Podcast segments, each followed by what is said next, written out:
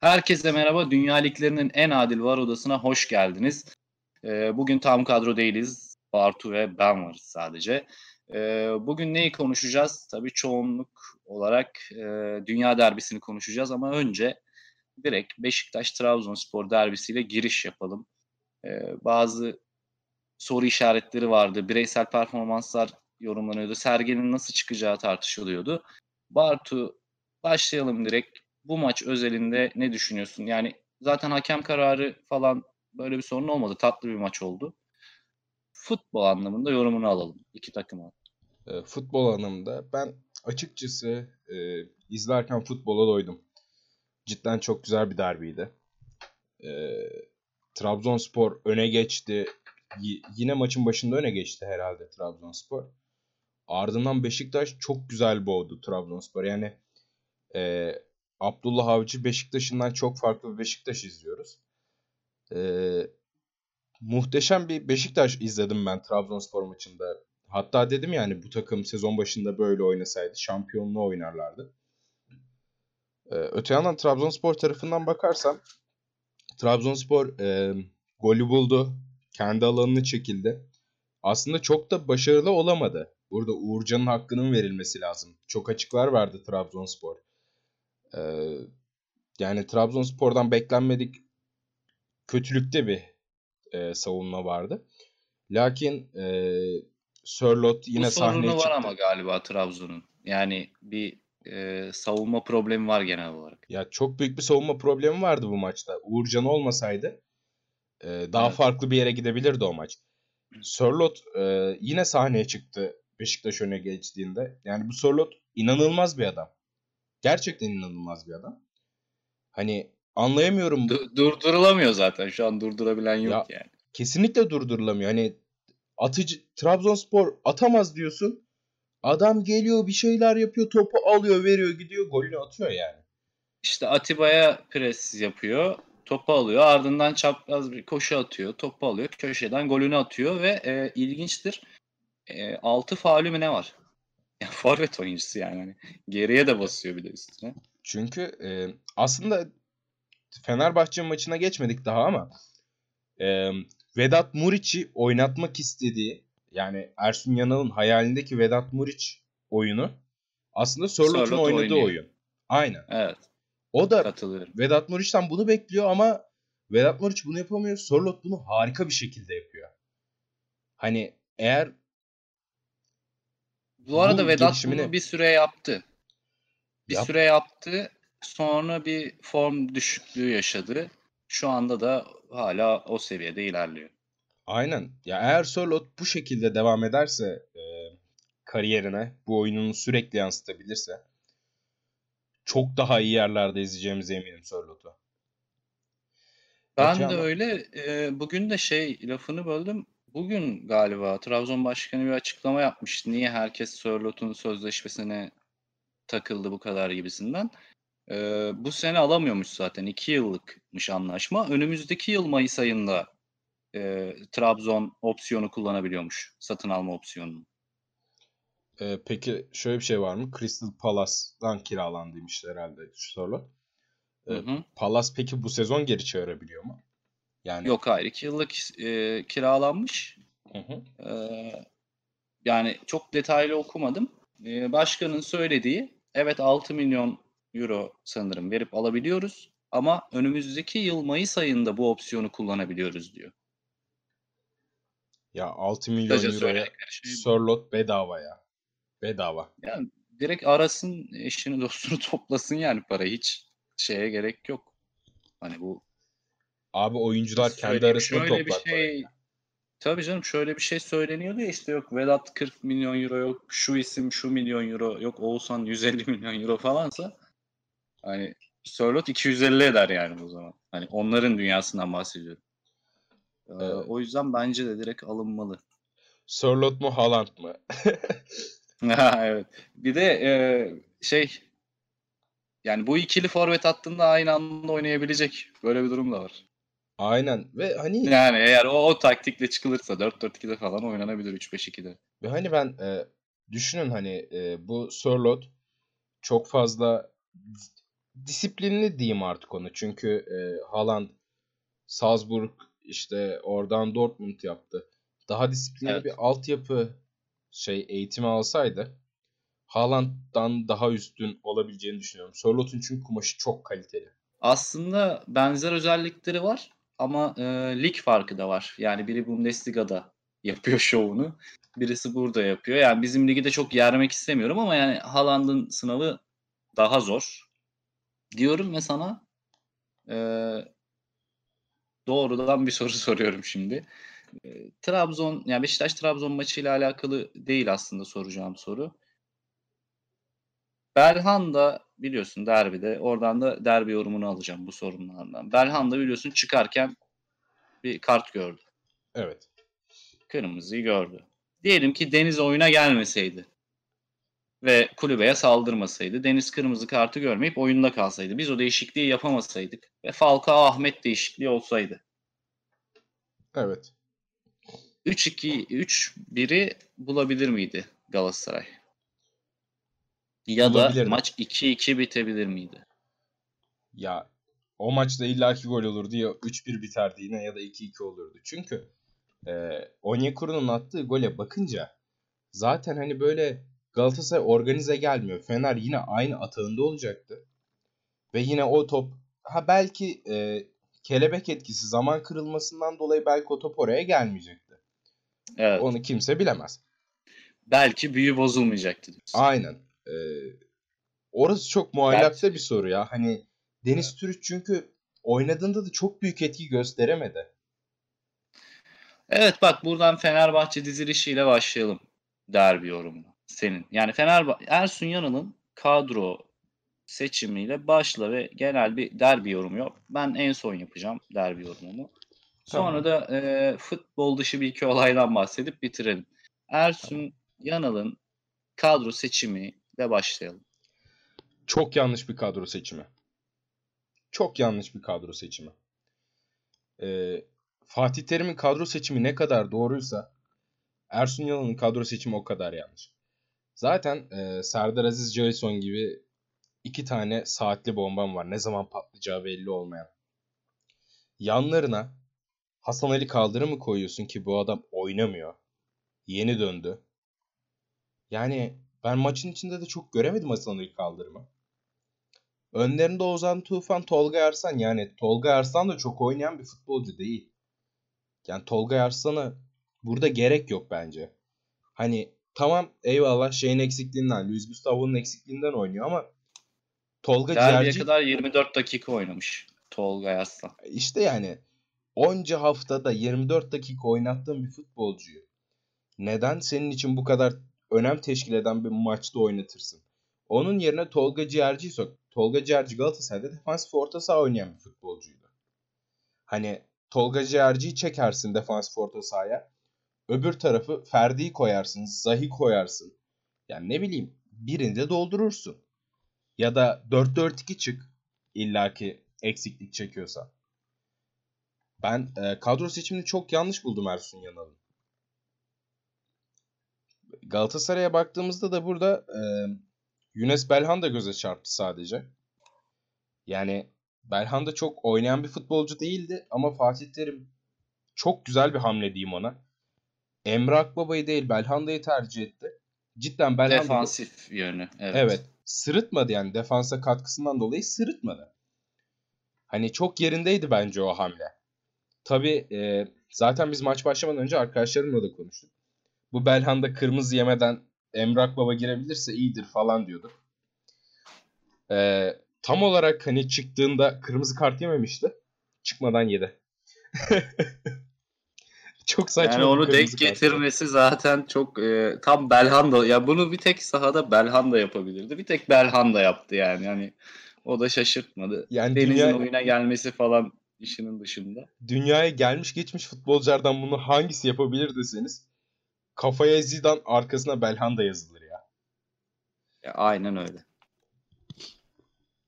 Yani e, sen diyorsun ki Tolgay yanlıştı. E, ben Tolgay'ın dışında Tolga Ciğerci de yanlıştı da. Şimdi Tolga Ciğerci, Ciğerci yanlışı tamam hadi. Tolga Ciğerci yorumlarını anlıyorum. Adam inat etti. Bu adamın doğru olduğunu kanıtlamaya. Aynen. Ha bir de şey söyleyeyim abi sen e, lafına başlamadan tam olarak bilsin.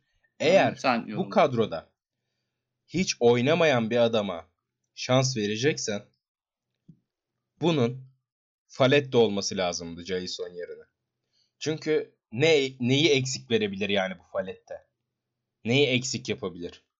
Neyi daha az başarabilir Jason'la? Yani formda olma olmama durumu var işte oradan. Ya işte, ama e, burada da şu yorumlar haklı oluyor. Madem oynatmayacaktın niye Neden aldın? getirdin? Madem ha- aynen öyle. Böyle bir sorun çıkıyor ortaya. Hakem performansı ile ilgili ne düşünüyorsun? Ya beğenmeyenler olmuş hakem e, performansını. Açıkçası ben e, beğendim. Bir tek hani şey kısmı sıkıntıydı. 45. dakika ile böyle 60. dakika arasında çok fazla faul oldu. Orada da şunu düşündüm ben. E, hakemler e, şunu yapıyor biliyor. Hani ortamı fazla germemek adına avantaja bırakmıyorlar maçın sertliğini arttırmaması için.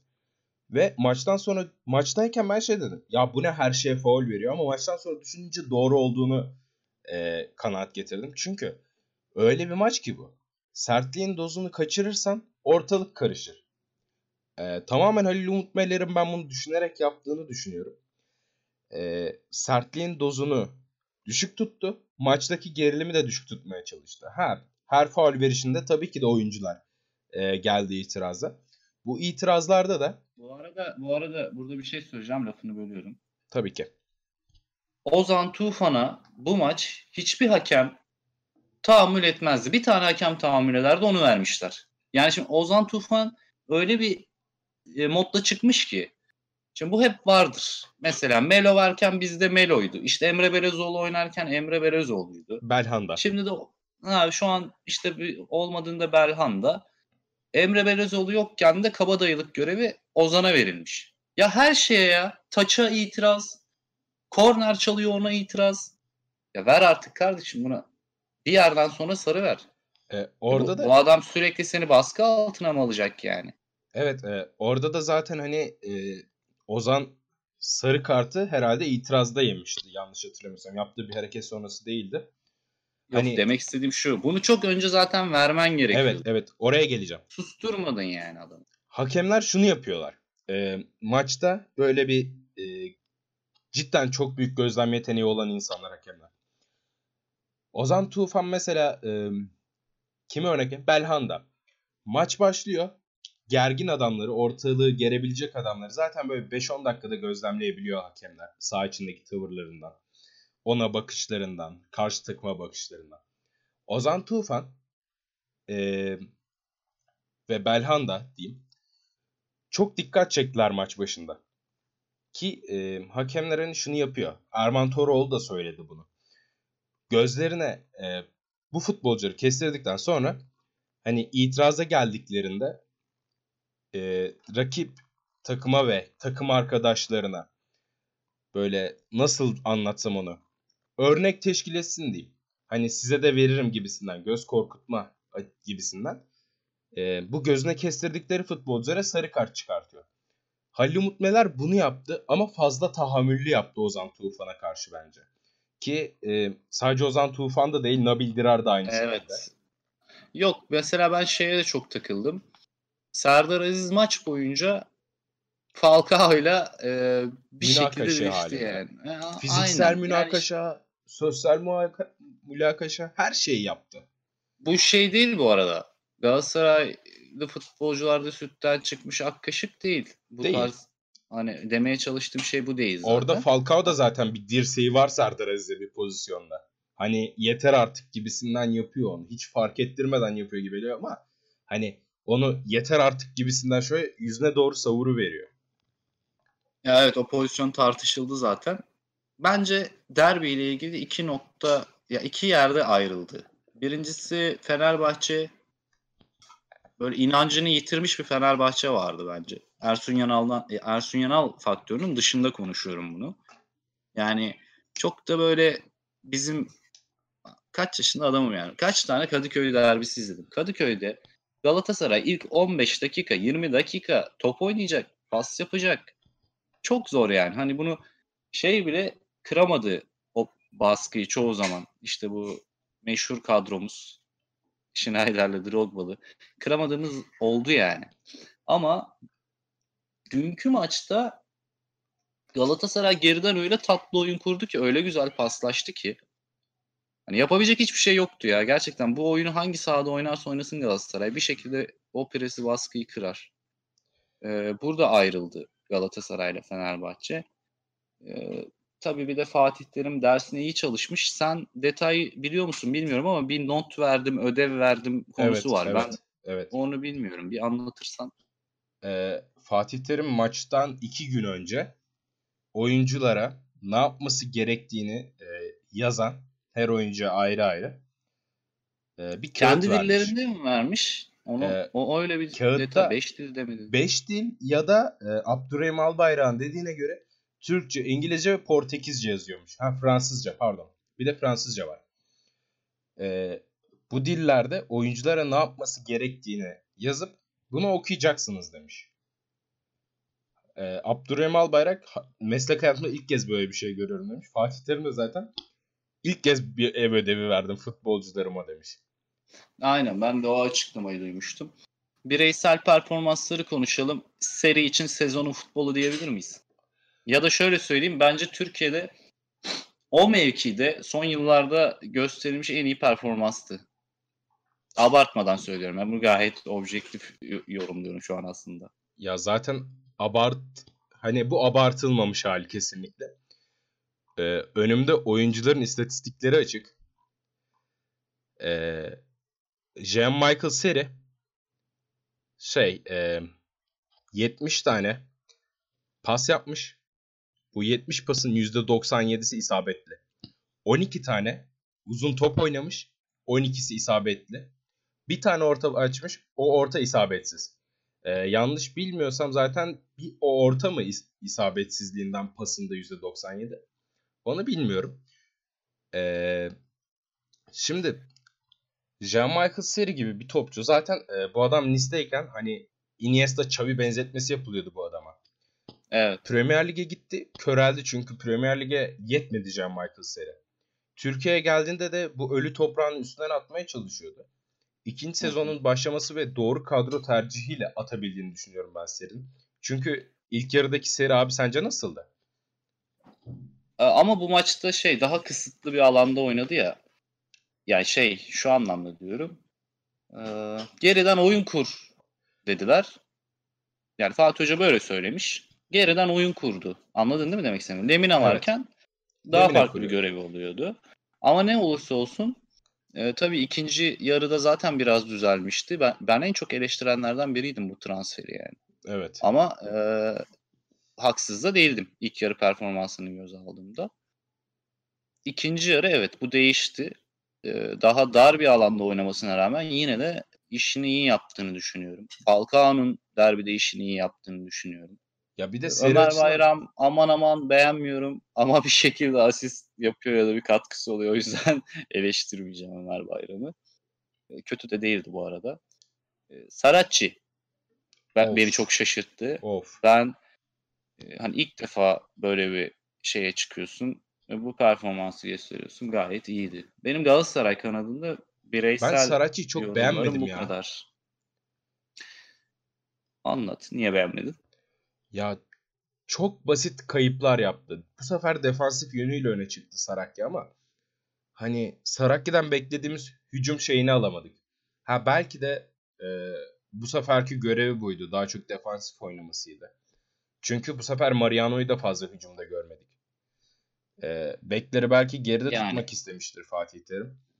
Ama bildiğimiz Sarakya performansı değildi bu. Sarakya daha çok hani hücumda rol alır. Galatasaray'a Ne gelmeden kadar önce. süredir oynamıyordu? Bir süredir oynamıyordu. 3 haftadır oynamıyordu. Yani işte böyle düşününce çok da şey değil. Kötü bir performans değil. Ee, çünkü zaten takıma alışacak kadar da oynamadı. Evet 2 hafta mı 3 Yani hafta mı ne oynadı onunla? Evet o, yani 3 hafta 2 asist mi 2 hafta 2 asist mi böyle bir şey olması lazım. Aynen. Aa, ben yani bu sezon sonuna kadar böyle bir sakatlık falan yaşamayıp eğer devam ederse önümüzdeki sezon için de çok iyi olacağını düşünüyorum. Fenerbahçe kadını, kanadını çok yorumlamayacağım ben derbi özelinde. Çünkü e, çok büyük Ersun Yanal hataları vardı. Üstüne e, işte Ali Koç'un balkondan atlaması olayları falan oralara hiç girmeyeceğim. Çünkü ya. gerçekten dünkü maç o açıdan konuşulmamalı. Ee, onlar nasıl diyeyim? Onlar büyük bir agresifliğin sonucu ya. Ya aynen. Biraz sıkıntılı bir sürece girdiler. Doğal yani. Ben çok garip karşılamıyorum. Ya, tabii Ali Koç'un da tribünden aşağıya atlaması gibi bir şey beklemiyordum ama benim merak ettiğim nokta şu oldu maçta. hani Süper Lig olduğu için hiç şaşırtmıyor. Benim merak ettiğim nokta şu oldu. Ee, Ersun Yanal sahaya girince kırmızı kart gördü. Ama evet. Fatih Terim sahaya girince neden sarı kart verildi? Ben bunu merak ediyorum. Ya orada orada bir soru işareti var zaten. Çünkü e, yardımcı hakem Ersun Yanal girer girmez bir şeyler söylüyor ya Ersun Yanal girdi. Evet. E, ağır çekimde de gösterdiler birkaç kere zaten. Yardımcı hakem direkt Halil Umut Meler'i uyarıyor. Direkt. Halil Umut Meler'i gösteriyorlar o anda. O da kim falan gibi bir soruyla geliyor yani ağız okumasından. Yani büyük ihtimalle Ersun Yanal'ın orada sarf ettiği bir söz kırmızı kart yemesine sebep oldu. Tabii çok basit görünüyor ama detayı bilmek lazım. Fatih Terim de sanırım sadece girdiği için ona sadece sarı kart verildi diye düşünüyorum ben. Yani burada mısın? Evet. Oh, ne bileyim bir an şey bayıldın sandım hiç mikrofondan ses gelmeyince. şey yapmayın. Buraya kesmeye gerek yok. Tamam devam edelim. Tamam. Ya, ya kısaca aslında bu kadar. Bir de e, şey konusu var. E, seni seveni de, ne seni de seni seveni de ya. sevmiyoruz pankartı konusu var. Bütün maç genelinde aslında tek konuşulması gereken buydu. Dün akşam spor basınında da çok fazla kişi konuşmadı bunu. Bugün de çok evet. konuşulduğunu duymadım. Evet. Aslında ama çok ince bir çizgiydi o. Büyük bir ayıp. Burada uzun uzun bunun üstüne konuşmayacağım. Yani bunu astıran, buna izin verenden her şey beklenir. Ya zaten bugün Bu açık konuşuyorum yani. ben herhalde bunun hakkında bir tek konuşan GSTV oldu. Ee, adını hatırlamıyorum. Çok da güzel konuşuyor muhabir. Ee, biz sizi de, sizi seveni de seviyoruz diyor. Ee, sizin belki babanız diyor, belki kardeşiniz diyor, belki anneniz diyor, belki arkadaşınız diyor, Galatasaray diyor. Yani böyle bir ayrımcılığa ne gerek var? Ya bunu yaptılar bir şey elde edilmedi de çok saçmaydı. O yüzden e, yıllar sonra gelen derbi galibiyeti Galatasaray için önemli mi? Önemli ama Galatasaray için bence istatistiğin değil bu 3 puanın şampiyonluk için altın değeri var. Demişken Başakşehir'in de son dakika golüyle zirveye tırmandığını hatırlatayım sana. Sence bir senle böyle bir fikstür değerlendirmesi yapalım. Sonra kapatalım. Ne diyorsun? Yapalım. Tamam. Yapalım. O zaman Galatasaray fikstürünü açıyorum. Önce. Açtım. Ya da bir saniye. Bir saniye özür dilerim. Başakşehir fikstürünü açıyorum. Tamam Başakşehir. Lider adamlar açıyorum. yani. Evet. Şimdi öndeki 3 ilk 3 maçı soracağım. Tamam mı? Her tamam. takım için. Ga- Gaziantep'le kendi evinde, Göztepe ile deplasmanda, Trabzon'la deplasmanda oynayacak Başakşehir. Bu üç maçtan kaç puan alır? Antep Not şu anda e, bu arada. Antep şu anda hani sonra çıkartıp masaya vuracağım. Ona tamam. göre. Antep şu anda çok büyük bir ivme yakaladı. Ama Başakşehir'in tamam. ben bu maçın altından evinde kalkabileceğini düşünüyorum. Buradan 3 tamam. puan alır. Tamam. Göztepe kendi seyircisi önünde oynuyor. Ee, Başakşehir orada zorlanır. Oradan bir puan diyorum Başakşehir'e. Trabzon. Başakşehir maçı.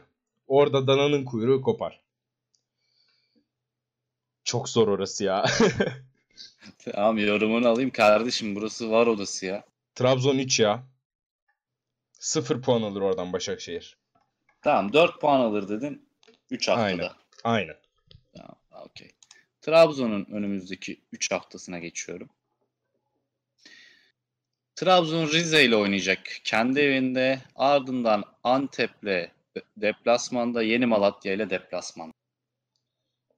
Evet. E, Rize, Trabzon yani. Bu Karadeniz derbisi. Aynen. Ama Hiçbir oraya... şey olmaz. Aynen hiçbir şey olmaz. Bomboş maç böyle derbi mi? E, Trabzonspor orada en az 3 atar zaten. Tamam. E, Antep, Trabzon. Antep depresi. Okey. Ya abi Sörlot varken bunlar her maçtan çıkar ya. Vallahi Tamam, her ya maçtan sen 9 çıkar. puan alırlar mı buradan? Yok Malatya'da e, illa ki sendelerler yani. Oradan bir puan Tamam. ya. Tamam oradan 1 puan dedin. 7 puanlı çıktılar şu an oradan. bu Aynen. arada. Haberin, Aynen. haberin olsun. Ee, kime bakalım? Artık Galatasaray'a bakalım. Galatasaray'ın Gençler Birliği. Sivas Beşiktaş. Öf. Öf kardeşim. Sivas deplasman. Evet. Ben Galatasaray'ın Fenerbahçe maçından sonra bir rehavete kapılacağını düşünüyorum açıkçası. Ama Okey. bu rehaveti Gençler Birliği maçıyla atlatacağı için şanslı. Hani çok kötü bir oyunla 1-0 Galatasaray alır diyorum bu maça. Buradan 3 puan. Tamam. Ya duygusal yaklaşmak istemiyorum da ben bu olaya. Ee, Sivas Spor maçı. Evet. Çok soğuk olur orası. Mart'ın 8'i ya. Kırılabilir yani. İnşallah, inşallah. Ee, Fener deplasmanından çıkan takım herhalde Sivas deplasmanından da çıkar ya. 3 Tamam. yazalım ya. Beşiktaş'la da kendi evimizde. O o 3 puan, 3 puan. 9 dedin yani. Aynen. Tamam. Buna ben de katılıyorum. Son olarak Sivas'ın da fikstürüne bakalım. Zaten şampiyonluk yarışında başka kimsenin kalmayacağını düşünüyorum. Ankara gücü deplasmanı, Galatasaray onu söyledin zaten. Bir de Antalya deplasmanına gidiyorlar. Yani aslında düşme potasındaki iki takımla deplasmanda maçları var. Ya evet ama ben bu düşme potasından çok etkileneceğini düşünmüyorum e, Sivas Spor'un. Ama Tamam. belki Ankara gücü ya bu maçlardan birinde beraberlik alacaklar. Yani diyorsun ki sen 4 puan toplayacak burada. Aynen. Aynen 4 puan toplayacaklar. 3 hafta sonra bu tahminlerini Aslında var ya 4 haftaya baksak üf ya çok güzel maçlar var. Ee, Başakşehir haftaya Alanya ile oynuyor. Boş ver. Ben Sivas- bilerek o haftaya girmedim. Kafa karıştı bu hafta. Tamam. Tamam. bu hafta çok iyi, ideal yani. Senin tahminlerini alalım. Ben direkt söyleyeyim. Başakşehir'in fikstürünü açtım. Başakşehir önümüzdeki 3 haftada 6 puan alır. Göztepe Tamam? Antep galibiyeti diyorsun. Yok. Trabzon'u yenecekler diyorum. Göztepe'yi yenilecekler diyorum. Antep'i yenecekler diyorum. Hmm. Benim tahminim böyle. Tamam mı? Devam ediyorum. Not alın bunları. Kayıt alıyoruz ama not alın Not diyorum alın. değil mi? Açıp kaydı dinlerim yani ne olacak. Tamam. Trabzon'a geçiyorum. Trabzon e, Rize'de 3, Antep'te 3, Yeni Malatya'da 1. 7 puan alırlar ya. Burada tahminimiz aynı oldu. Aynen. Bu 7 puanla çıkarlar. Galatasaray'a girmiyorum. 9 Galatasaray. Direkt. Tamam mı? Ya yani bu takım bu saatten sonra sanmıyorum hani 9. Sivas'a gidiyorum. 3 puan zaten Galatasaray'da kaybedecekler. Ee, Ankara gücü maçını alacaklar bence. Antalya'da berabere kalacaklar. Hemen hemen aynı. Başakşehir'i Evet. saymazsak tahminlerimiz. Aynen öyle.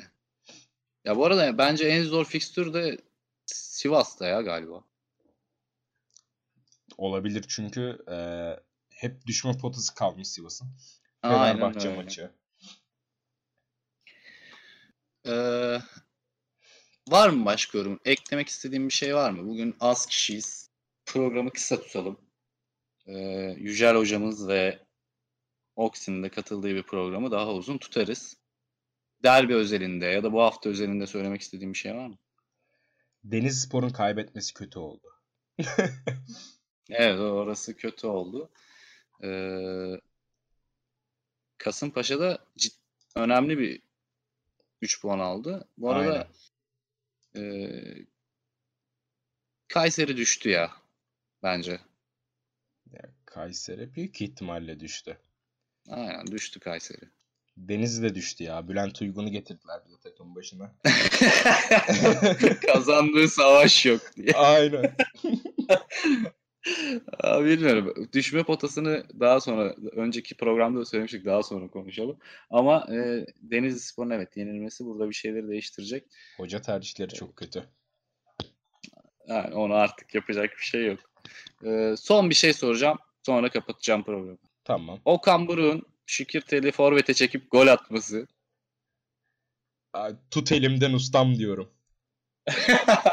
Fatih Terim'den feyiz olunmuştu. Evet. Sadece bunu dile getirmek istedim.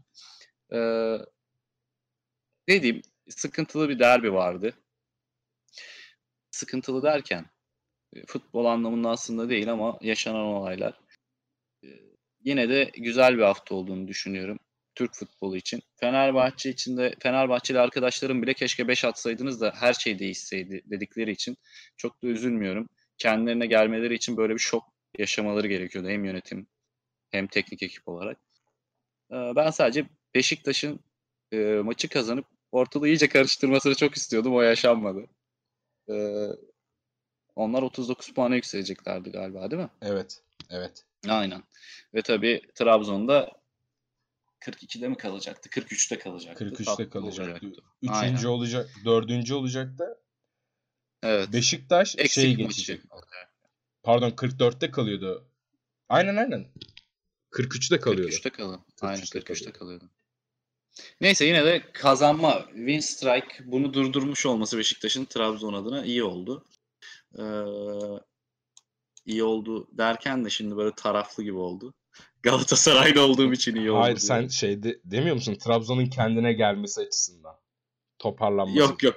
Onu Fenerbahçe için. Ha, aynen aynen. Tamamen bunun için söyledim. Biz zaten burayı keseriz anlatmak istediğimizi anlatırız falan. Yok tamam. Ee, teşekkür ederim Bartu bana eşlik ettiğin için. ben teşekkür ederim. Ee, kendinize çok iyi bakın. Size de çok teşekkür ediyoruz bizi dinlediğiniz için. Önümüzdeki hafta Var Odası'nda tam kadro olup daha detaylı e, o haftanın maçlarıyla birlikte hepsini eleştireceğiz, inceleyeceğiz. Kendinize çok iyi bakın. Hoşçakalın. Hoşçakalın.